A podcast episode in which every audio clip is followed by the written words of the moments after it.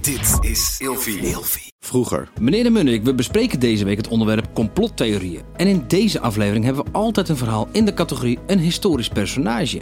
We gaan het hebben over voormalig CIA-medewerker Edward Snowden. Hoe de fuck is dat? Nog nooit van die man gehoord. Echt niet? Nee, Waarom niet? ik heb geen idee wie dit Heb is. je nooit de krant gelezen of zo? Hoezo? Dan ben je niet eh, een beetje op de hoogte van het wereldnieuws? Nou, jij gaat het me vertellen. Nou, weet je, dat is een van de belang- belangrijkste klokkenluiders van, eh, van onze tijd.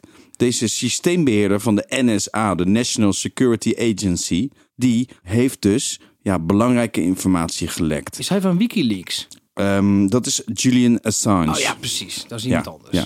Maar Edward Snowden eh, was, was de- een van de laatste klokkenluiders.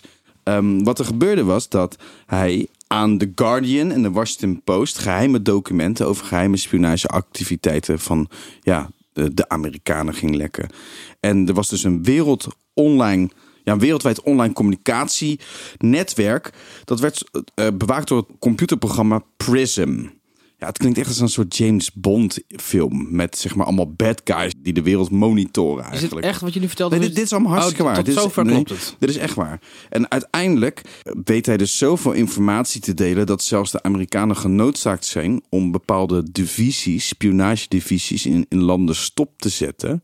omdat anders hun geheimagenten gevaar lopen om geliquideerd te worden... of opgepakt te worden wegens spionage. Wauw. En eigenlijk gaat het voornamelijk om afluisterpraktijken.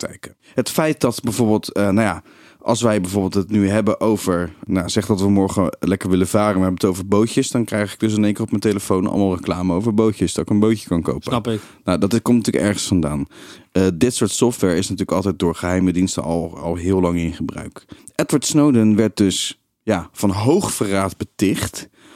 En die moest dus vluchten. Dan kom je terecht bij de, de grootste vijanden van Amerika. Die willen jou natuurlijk wel gewoon asiel ver- verlenen. Rusland. Rusland. Hij vroeg asiel aan bij, Lu- bij Rusland en heeft dat gekregen.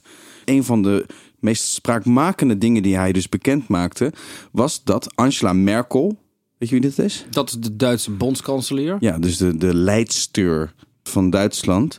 En eh, deze leidster werd dus gewoon afgeluisterd. Haar telefoon werd afgeluisterd door de Amerikanen. Terwijl de- eh, Duitsland een bondgenoot is van, van Amerika. Ze zitten in de NAVO. We horen als het goed is met elkaar samen te werken. Dan moet je elkaar vertrouwen. Wat heeft dit te maken met complottheorieën? Nou, dat er dus eigenlijk een. Nou, de complotdenkers die, die zeggen dus van: luister, we worden continu als een, door Big Brother in de gaten gehouden. Ze hebben gelijk. Ja, Tot morgen. vroeger.